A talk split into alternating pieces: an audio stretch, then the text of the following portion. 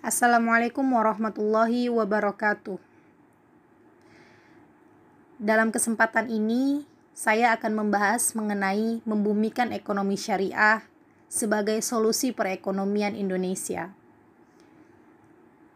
Berbicara mengenai ekonomi syariah, maka akan tidak jauh pula pembahasannya mengenai perbankan syariah Perbankan syariah saat ini baru sekitar 5% dari total aset bank secara nasional, sementara jumlah nasabah bank syariah saat ini masih di bawah 10 juta orang.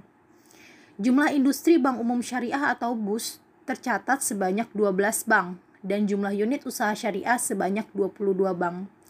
Adapun total aset yang dimiliki oleh BUS dan UUS sebesar 261,927 triliun rupiah. Melihat data tersebut, perbankan syariah masih memiliki peluang yang sangat besar untuk tumbuh dan berkembang di Indonesia. Apalagi melihat populasi dari penduduk Indonesia adalah mayoritas Islam. Keberadaan perbankan syariah bisa lebih dipacu lagi. Selama dua dekade ini, perbankan syariah mengalami kendala-kendala dalam laju pertumbuhannya. Kendala pertama yang dialami oleh perbankan syariah adalah masalah regulasi di mana dalam regulasi perbankan syariah perlu sebuah keterpihakan dari pemerintah dalam bentuk kesetaraan kebijakan. Sementara selama ini kesetaraan kebijakan tersebut terasa masih kurang dirasakan. Kendala yang kedua yang dialami oleh perbankan syariah dan menghambat laju pertumbuhannya adalah sumber daya insani yang memadai. Keinginan laju industri perbankan syariah ingin maju secara cepat, ternyata tanpa diimbangi oleh kesiapan dan jumlah sumber daya insani yang memadai. Hal ini sering menjadikan problematika dalam meningkatkan bisnis bank syariah. Masalah ketiga yang dialami adalah masalah pemasaran. Meski secara produk perbankan syariah sama dengan produk yang dimiliki oleh perbankan konvensional, tapi pemasaran perbankan syariah masih kalah jauh. Bila ingin sejajar dengan perbankan konvensional dalam pemasarannya, produk-produk perbankan syariah harus bisa dijual di perbankan konvensional. Dengan demikian, konsumen dapat memilih apakah harus memilih produk dari bank syariah atau produk dari bank konvensional. Masalah keempat yang dihadapi oleh perbankan syariah di Indonesia adalah teknologi IT. Lemahnya teknologi IT yang dimiliki oleh perbankan syariah menjadikan akses masyarakat untuk memiliki produk-produk perbankan syariah juga minim. Kebijakan OJK dengan financial inclusion merupakan strategi agar masyarakat dengan mudah mengakses bank syariah, tapi jika tanpa didukung investasi teknologi IT yang hebat, sama saja akan menyulitkan laju pertumbuhan bank syariah. Dari keempat permasalahan tersebut, kunci pokok dari pengembangan perbankan syariah atau pengembangan ekonomi syariah di Indonesia adalah sosialisasinya. Cukup diakui selama ini dalam sosialisasi perbankan syariah atau sosialisasi ekonomi syariah sudah banyak dilakukan oleh lembaga-lembaga ormas Islam, instansi, dan penggiat ekonomi syariah, tetapi masih dirasakan belum maksimalnya.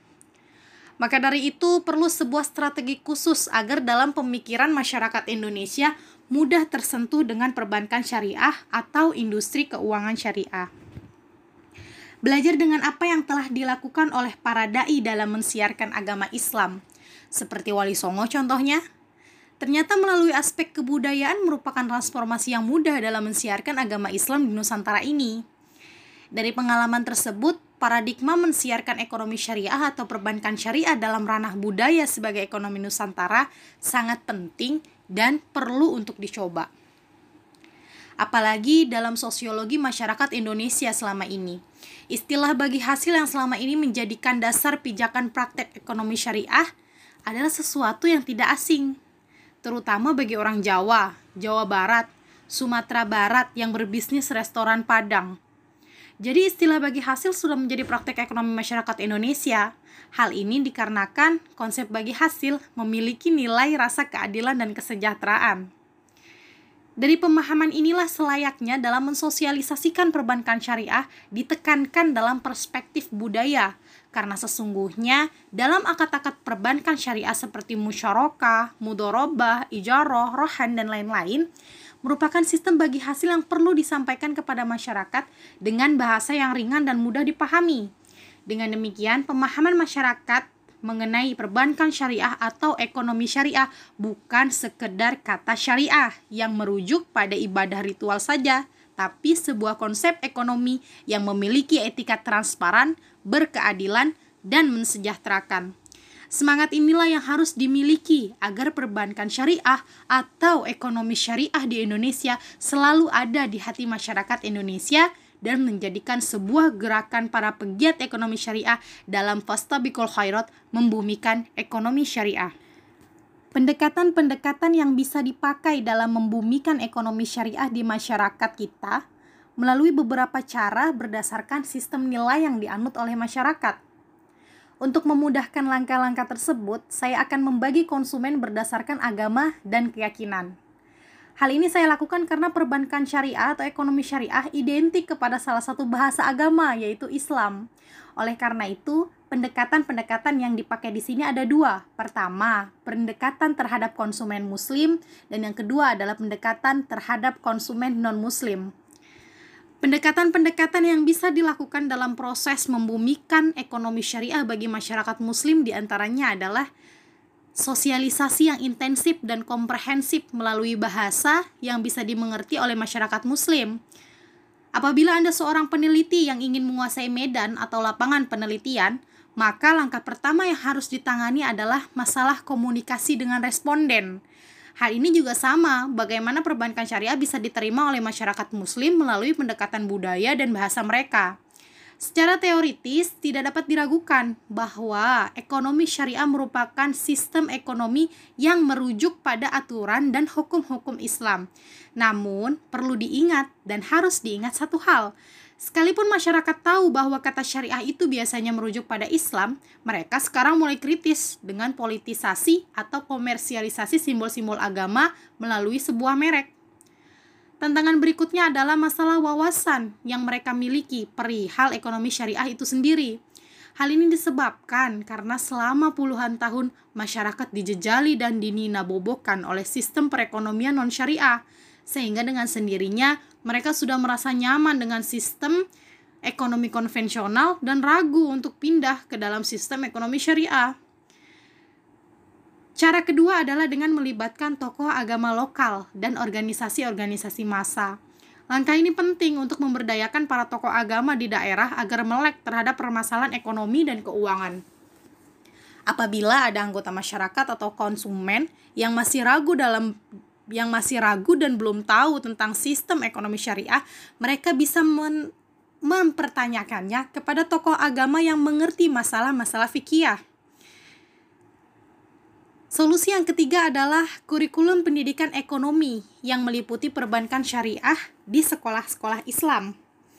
Pertumbuhan penduduk yang semakin meningkat, maka dengan demikian akan membuat pertumbuhan anak didik juga meningkat. Hal ini menjadi pasar potensial sekaligus amal untuk memberikan pendidikan dini kepada anak-anak didik perihal ekonomi syariah, sehingga di kemudian hari mereka tidak asing lagi untuk memilih produk-produk ekonomi syariah. Keempat, pendekatan yang persuasif dengan melakukan kerjasama yang konkret melalui pemberdayaan sumber daya umat. Hal ini demi memberikan timbal balik yang positif akan peran penting adanya ekonomi syariah secara politis akan memperkuat pengaruh brand atau merek ekonomi syariah terhadap konsumen sehingga konsumen tidak lari ke produk lain atau dengan kata lain kita dapat menciptakan pelanggan sejati. Contoh konkret lainnya adalah memberdayakan ekonomi santri di pesantren melalui karya nyata yang berkelanjutan dan sistematis. Sedangkan pendekatan-pendekatan yang kita bisa pakai dalam proses membumikan perbankan syariah atau ekonomi syariah bagi masyarakat non-muslim di antaranya adalah universalisme nilai-nilai ekonomi syariah. Melalui pendekatan ini, produsen harus bisa memberikan pemahaman yang jelas dan akurat perihal ekonomi syariah kepada warga non-muslim. Hal yang paling penting adalah ekonomi syariah bukan hanya diperuntukkan bagi masyarakat muslim saja, tetapi non-muslim pun bisa menikmatinya. Apalagi masyarakat non-muslim ingin menikmati layanan ekonomi syariah, maka perlu diatur secara jelas teknis transaksinya atau ijab kabulnya. yang disesuaikan dengan nilai-nilai yang dianut oleh pribadi sang konsumen. Sistem ekonomi syariah atau ada kalanya disebut dengan sistem ekonomi uh, disebut dengan sistem ekonomi Islam semakin populer bukan hanya di negara-negara Islam, tapi bahkan juga di negara-negara Barat. Ini ditandai dengan makin banyaknya bank-bank yang beroperasi dengan konsep-konsep syariah. Ini membuktikan bahwa nilai-nilai Islam diterapkan dalam perekonomian bisa diterima di berbagai kalangan karena sifatnya yang universal dan tidak eksklusif. Selain penerapan kurikulum bagi anak didik muslim, maka kita juga bisa menerapkan kurikulum kurikulum-kurikulum ekonomi syariah kepada anak didik non-muslim. Hal ini bisa memberikan hazanah keilmuan dan secara ekonomis akan merekrut pangsa pasar di masa depan. Konsep Islam sebagai rahmatan lil alamin bisa diciptakan di sini melalui kerjasama dengan warga non-muslim untuk bersinergi melalui pemberdayaan ekonominya.